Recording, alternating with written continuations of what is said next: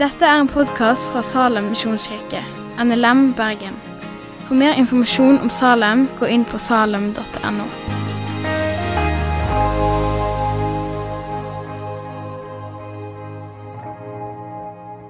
Hyggelig å få lov å være her.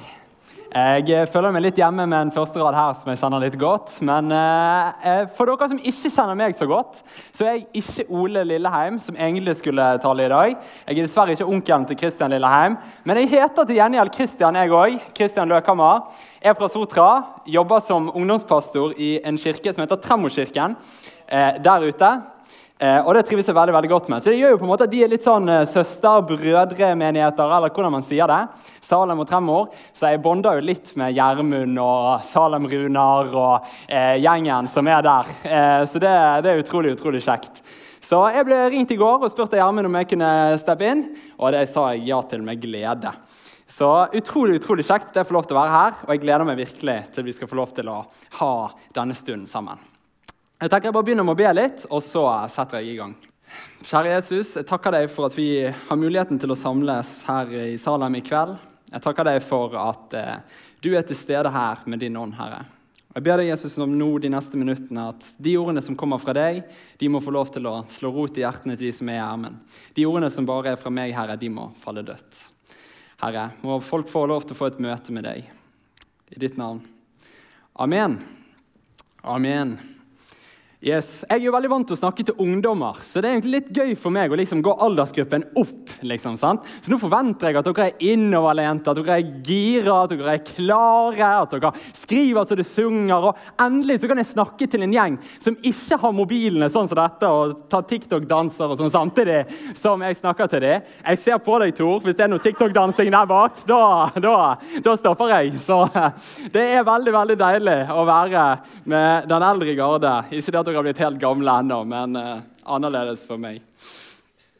Eh, det har seg sånn at eh, Vi er jo en utrolig spesiell tid i eh, egentlig vår levetid, men òg nå den siste tiden, med konflikten som er i Ukraina og Russland. og er du inne på liksom, eh, nyhetsgreier, så er det på en måte, det er ingen på en måte, gode ting eller gode overskrifter å finne. Alt er mørkt, eh, det er svart, og det er eh, krevende.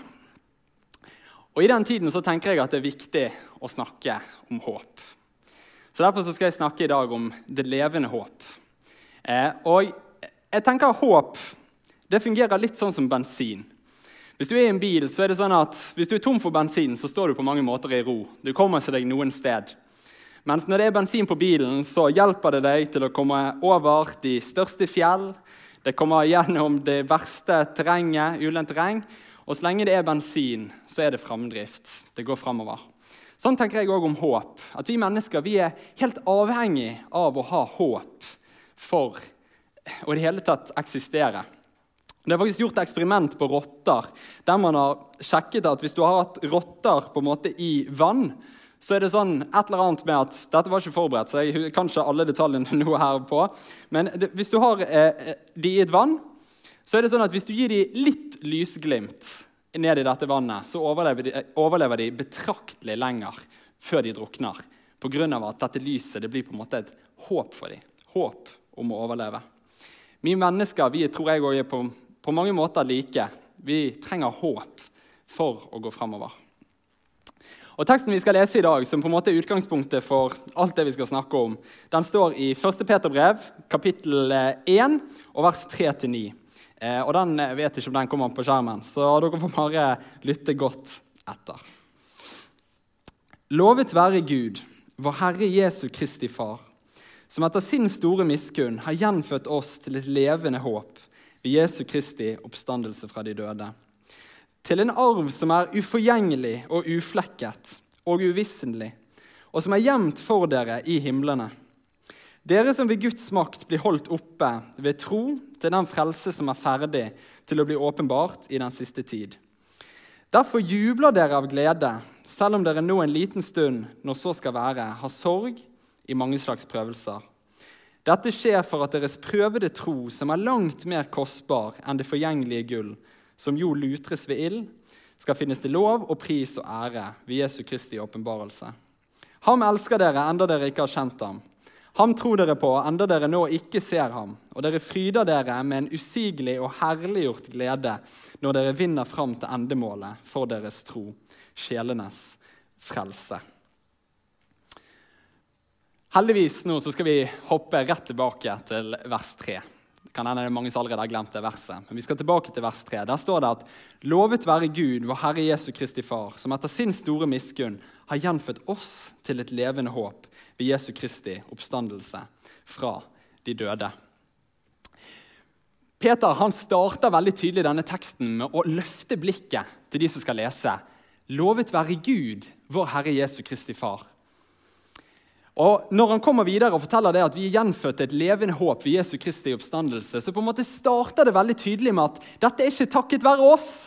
Det er ikke takket være et liv vi har levd, det er ikke takket være hvordan vi opptrer, men det er lovet være Gud, vår Herre, Jesu Kristi Far. Og Det er liksom så godt i kristne sammenhenger at vi kan få lov til å starte med det utgangspunktet. At det er lovet være Gud når det kommer til den kristne troen. Det er ikke lovet være oss, det er ikke lovet å være et menneske, en ideologi, en viss type politikk, en viss fotballag å heie på, selv om alle vet at det er Manchester United som er best. så, men i kristen tro er det lovet være Gud. Det er der alt starter. Og Videre så forteller han litt hva er det som på en måte er så nice med dette håpet vi har fått. Og Da snakker han om at vi er igjen, altså, Nå må vi komme tilbake her da, eh, til et levende håp ved Jesu Kristi oppstandelse fra de døde til en arv som er uforgjengelig og uflekket og uvisselig, og som er gjemt for dere i himlene. Og jeg vet ikke med deg, men Første gang jeg eh, på en måte eh, skjønte hva arv var, så var jeg fem år gammel. Eh, da hadde det seg sånn at Min oldemor hun hadde gått bort. Og så husker jeg at Vi var i huset hennes for liksom, å rydde ned ting og liksom pakke sammen. og sånn. Og Da begynte dette ordet å komme opp. Sant? Arv. og Mamma og de skulle få en arv. og eh, disse tingene da. Så Jeg var jo en kid, så jeg spurte masse spørsmål. Sant? Hva betyr det? Hva er greien med det? liksom, sant? Eh, og så fikk jo jeg et svar. Og så syntes jeg det var veldig feigt at ikke jeg skulle få en arv av min oldemor. Og så husker jeg at Mamma sa til meg at Kristian, du kan gå rundt i dette huset, og hvis du finner en eller annen ting du liker, så kan du ta det, og så blir det din arv. Og du vet, Jeg gikk rundt i dette huset sant, og letet i alle kroker. sånn Masse sånn gammeldagse, kjedelige greier hos oldemor. Og så plutselig så bare Der fant jeg det. Det som skulle bli min arv. sa jeg, mamma, dette er min arv. Og så tok jeg fram metallskoskeien som jeg fant i gangen hos min oldemor. sånn, jeg tenker at Mamma må jo ha lurt på om hun skulle til legen eller liksom sjekke meg etter det. Liksom. Jeg kom der så fornøyd med denne liksom, metallskoskeien, men det skulle være min arv. Og jeg husker veldig godt at denne skoskeien ble med meg hjem. Eh, og når vi kom hjem, så behandlet jeg den godt. Det var ingen som fikk lov å bruke den utenom meg. Eh, og så var det en gang at den ble skitten, og da måtte jeg vaske den. Men det som er greien er at hvis du vasker metallskoskeier, så rusta de. Eh, og da begynte han å ruste litt, og så begynte han å bli sånn bøyd. Og egentlig så er metallskoskeier ganske vonde å bruke. så det er egentlig helt elendig uansett. Eh, men så til slutt så bare knakk hele greien. Det ble utrolig trist. Jeg hadde begravelse for denne skoskeien. Eh, men dessverre så har ikke jeg sett eh, den siden. Dette husker jeg var liksom første opplevelsen min med ordet arv. Men mange av dere kjenner sikkert òg til dette. det håper jeg egentlig. Men sant, dere har kanskje arvet noen klær, noen gensere, T-skjorter, shortser. Ikke bokser eller sånn, håper jeg. Men dere har sikkert arvet veldig mye forskjellig. Men det som er felles for all type arv vi får her, det er jo at det ødelegges. Det revner, det slites ut, visner bort, sånn som min skoskei. Men denne arven som vi leser om i denne teksten, her, det er noe som er uflekket, uvissentlig, som aldri skal gå bort som aldri skal ta slutt, som ikke kan ødelegges, og som er gjemt for oss i himmelen. Denne arven den er noe helt annet enn det vi er vant til her som oss her på jorden.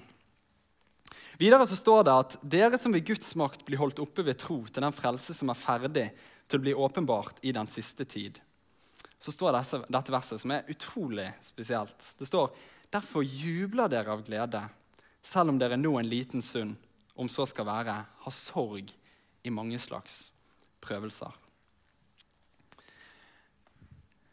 Der står ikke det liksom at dere skal være litt glade, men livet er tøft. Men det står at på grunnlag av dette, på grunnlag av denne arven som er i vente for dere, på grunnlag av dette som Gud har gjort ved at han reiste Jesus opp igjen fra de døde, så kan dere juble av glede. Juble av glede, selv om det så skal være at dere nå har sorg i mange slags prøvelser. Når Peter skrev Petersbrevene, så var det faktisk ikke i en kontekst av hallelujamøter i Salem. Men det var i en kontekst av at kristne ble forfulgt grovt.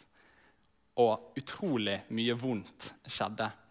Det var i en tid der kristne gjerne kunne bli hengt opp på påler og brent som underholdning i Colosseum.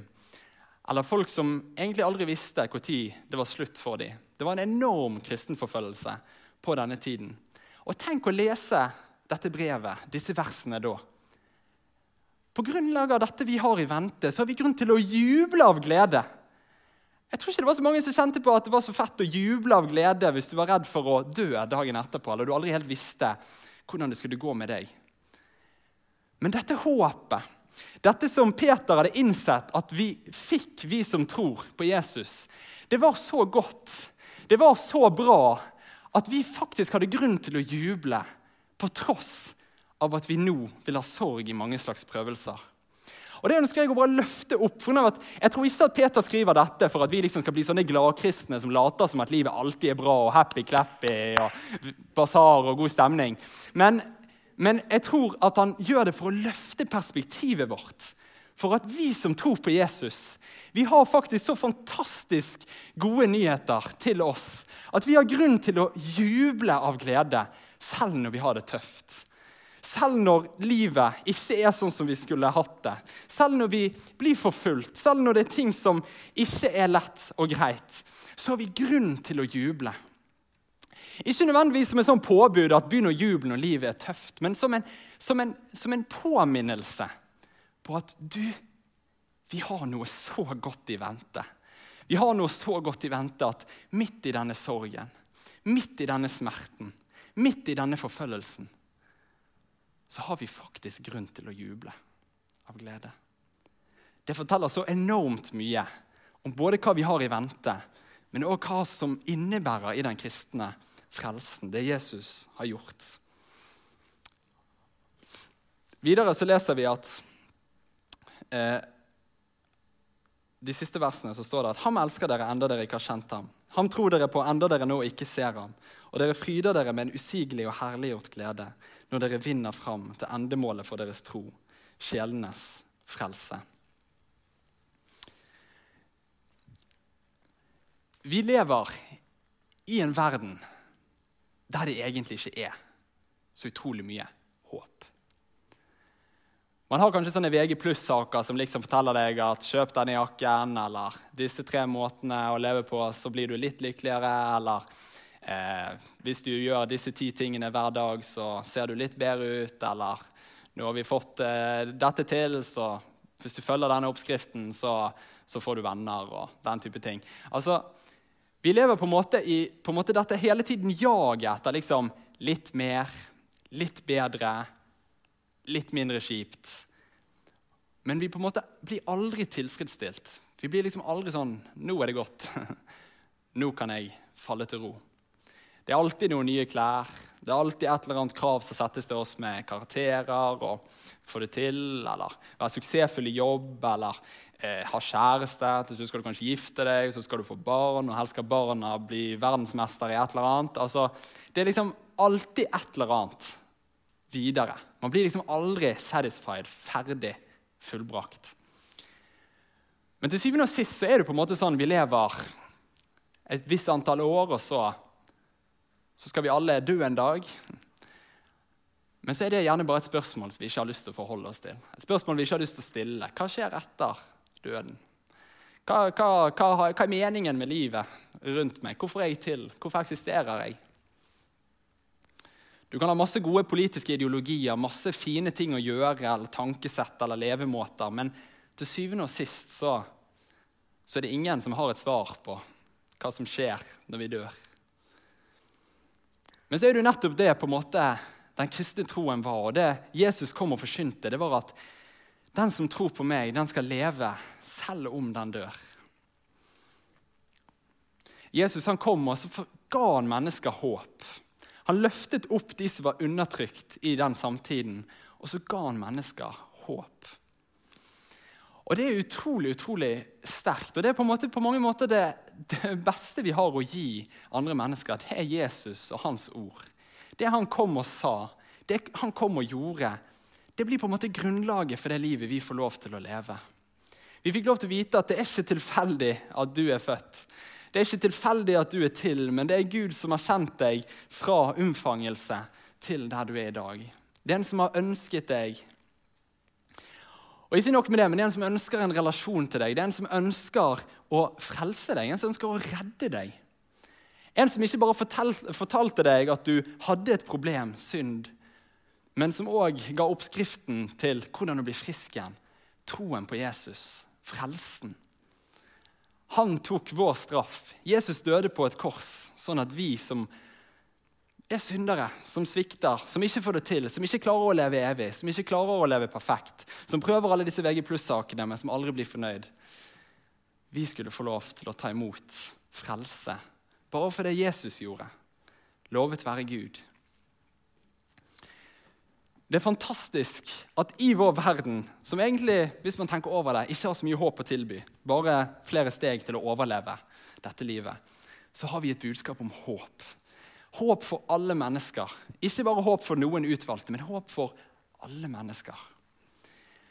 Og I denne tiden så tror jeg det er så viktig at vi klarer å løfte dette perspektivet. Ikke bare skygge over og late som at livet er lett, eller late som at det som skjer i Ukraina, er enkelt å forstå med, i sammenheng med at Gud er god. Men at vi kan få lov til å løfte blikket og tenke på det at den som tror, den har alltid noe bedre i vente. Den har en arv som venter på oss, som aldri vil visne bort, som ikke vil bli ødelagt, som ikke noe menneske kan bryte ned, men som er klar for oss. Det er der vi kan få lov til å kjenne på at åh, uansett hva jeg står i, så er både Gud med meg, men han har òg framtid for meg. Han har håp for meg.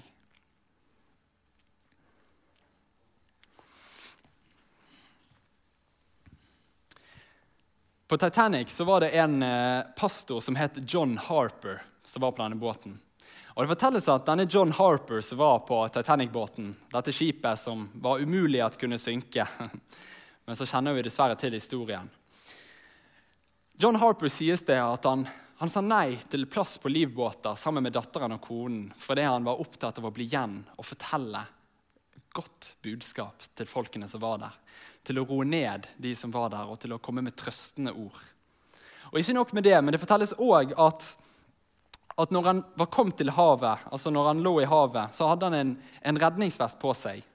Og så hadde han møtt et menneske som ikke hadde en redningsvest i havet, iskaldt. Og så hadde han spurt han, kjenner du Jesus. Og så hadde vedkommende sagt nei. Og så sa han, da har du bruk for denne mer enn meg. Og så ga han fra seg redningsvesten til denne mannen, og han druknet og døde.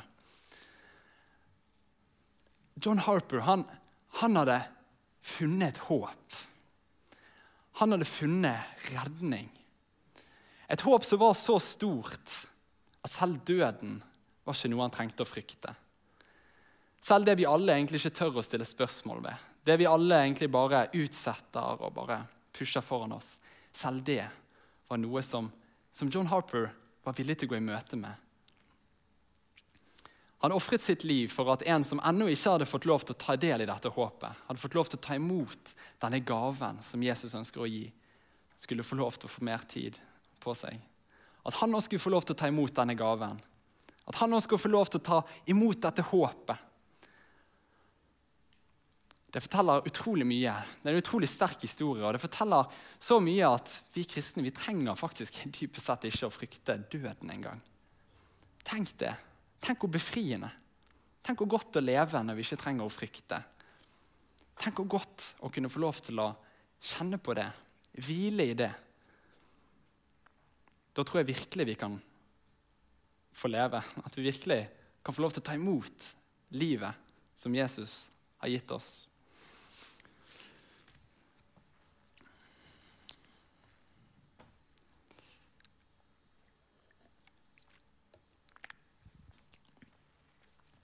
Så jeg ønsker ikke å skygge over problemstillingene rundt det som skjer både i verden og det som kanskje skjer i ditt liv. Det er mange mennesker her. Jeg kjenner ikke til din historie.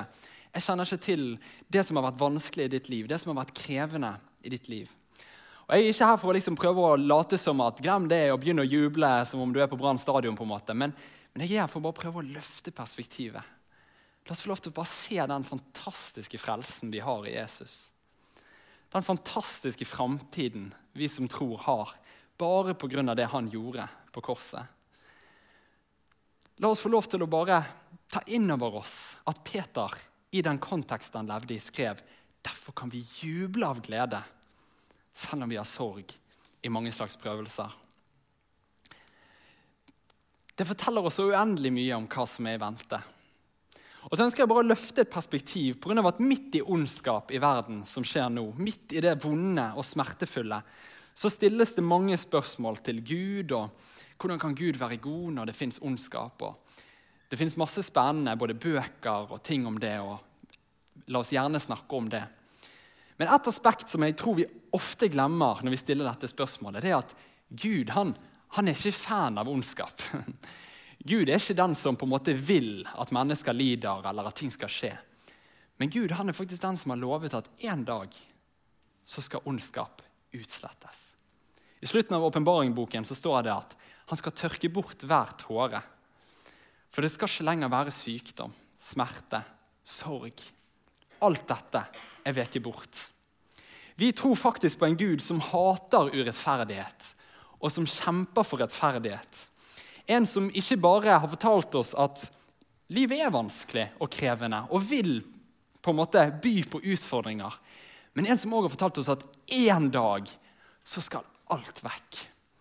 En dag så skal ikke det lenger være sykdom. En dag så skal ikke det lenger være smerte eller sorg. Alt det skal være vekke. Og det gjør faktisk at den som tror, den har alltid noe bedre i mente. Den har alltid et håp å se fram til, en himmel i vente, en arv som ikke hviler på våre skuldre. Du trenger faktisk ikke å være født inn i det, men du kan få lov til å bli et Guds barn ene og alene ved å si ja, Jesus. Jeg ønsker å tro på deg. Jeg ønsker å følge deg. Hvor godt er ikke det du trenger ikke å se ut som et eller annet, du trenger ikke å være noe, du trenger ikke å stemme noe. Du trenger ikke å være introvert eller ekstrovert, eller du trenger ikke å være noe spesielt. Du kan bare få lov til å komme som du er. Ta imot denne gaven som Jesus har gitt. Hans død i vårt sted. Det er så fantastisk å høre Jesus til. Det er så godt å få lov til å tro på et så gode nyheter. Og er det en ting som er sikkert, så er det at det at det var så store folkemengder når Jesus levde rundt han og lyttet til han, det var jo fordi han fortalte om gode nyheter. Kunne det virkelig være sant? Kunne det virkelig være sant at det fantes en Gud som vil ha noe med oss mennesker å gjøre? Kunne det virkelig være sant at denne mannen at, at vi kunne få evig liv ved troen på han? Var det nok? Måtte ikke jeg gjøre noe sjøl? Måtte ikke jeg klare noe? Måtte ikke vi fortsette med ofringene av dyr, sånn som de gjorde i Gamle testamentet? Hva, kan dette stemme? Er det virkelig sant? Det var en ungdom som eh, spurte meg om han kunne ha en samtale med meg. Han, eh, det var En som ikke gikk i ungdomsarbeidet vårt, men en som var venn av en i ungdomsarbeidet, som spurte meg om han kunne møte meg. Han ville ha en samtale med en prest, og det første de fant, det var meg. Det, men uh, Jeg er en lekmann på den måten. Da, men, men, men så, var det, så, var det, en samtale mellom meg og han der han, han var utrolig nedbrutt fordi han, han, han, opplevde seg som en enorm synder. Han kjente på en enorm skam overfor Gud. at Han hadde en sånn enorm frykt for helvete og for Guds straff. Og Så fikk jeg lov til å lytte til han, jeg fikk lov til å snakke med han, og så fikk jeg lov til å fortelle han evangeliet, de gode nyhetene om at det handler ikke om oss. Det handler ikke om vårt liv. Det handler ikke om at en gang er du fortapt, en gang er det for mye. Men at vi hver eneste dag kan få lov til å venne oss til den levende Gud og ta imot Guds nåde, Guds tilgivelse, Guds kjærlighet. Blanke ark. Og så når vi snakket sammen, så til slutt så sa han til meg dette er for godt til å være sant. Og så sa jeg ja, det er egentlig det, bare at det er sant. Og Sånn er det med den kristne troen. Det er rett og slett nesten for godt til å være sant. Men jeg tror òg at det er sant. Jeg tror at Jesus faktisk var Guds sønn. Jeg tror at han kom og opprettet et rike som aldri skal få gå, men som en gang skal komme i full blomst når Jesus kommer igjen. Jeg tror at vi har en arv, vi som tror på han, som aldri visner bort. Som aldri blir ødelagt. Vi mennesker har ikke den makten. Det kan vi hvile helt godt med. Og jeg tror på at det budskapet han hadde, det er så godt at midt i sorg, midt i smerte, midt i nederlag, så har vi faktisk grunn til å juble. Han tåler vårt sinne, han tåler vår sorg. Men håpet det er så sterkt, det er så godt, at dypest sett så har vi grunn til å juble.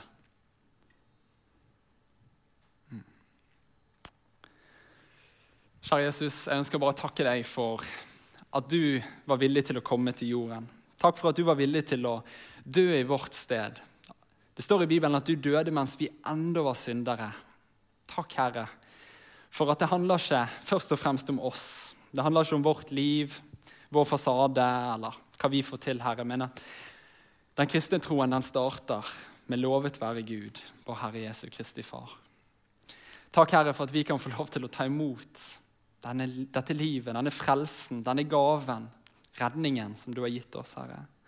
Og takk for at den er så god, den er så fantastisk at vi har grunn til å juble, selv når vi står i prøvelser og vi har sorg. Takk, Herre, for at hver den som tror, den har et endemål, og det er himmelen hjemme hos deg.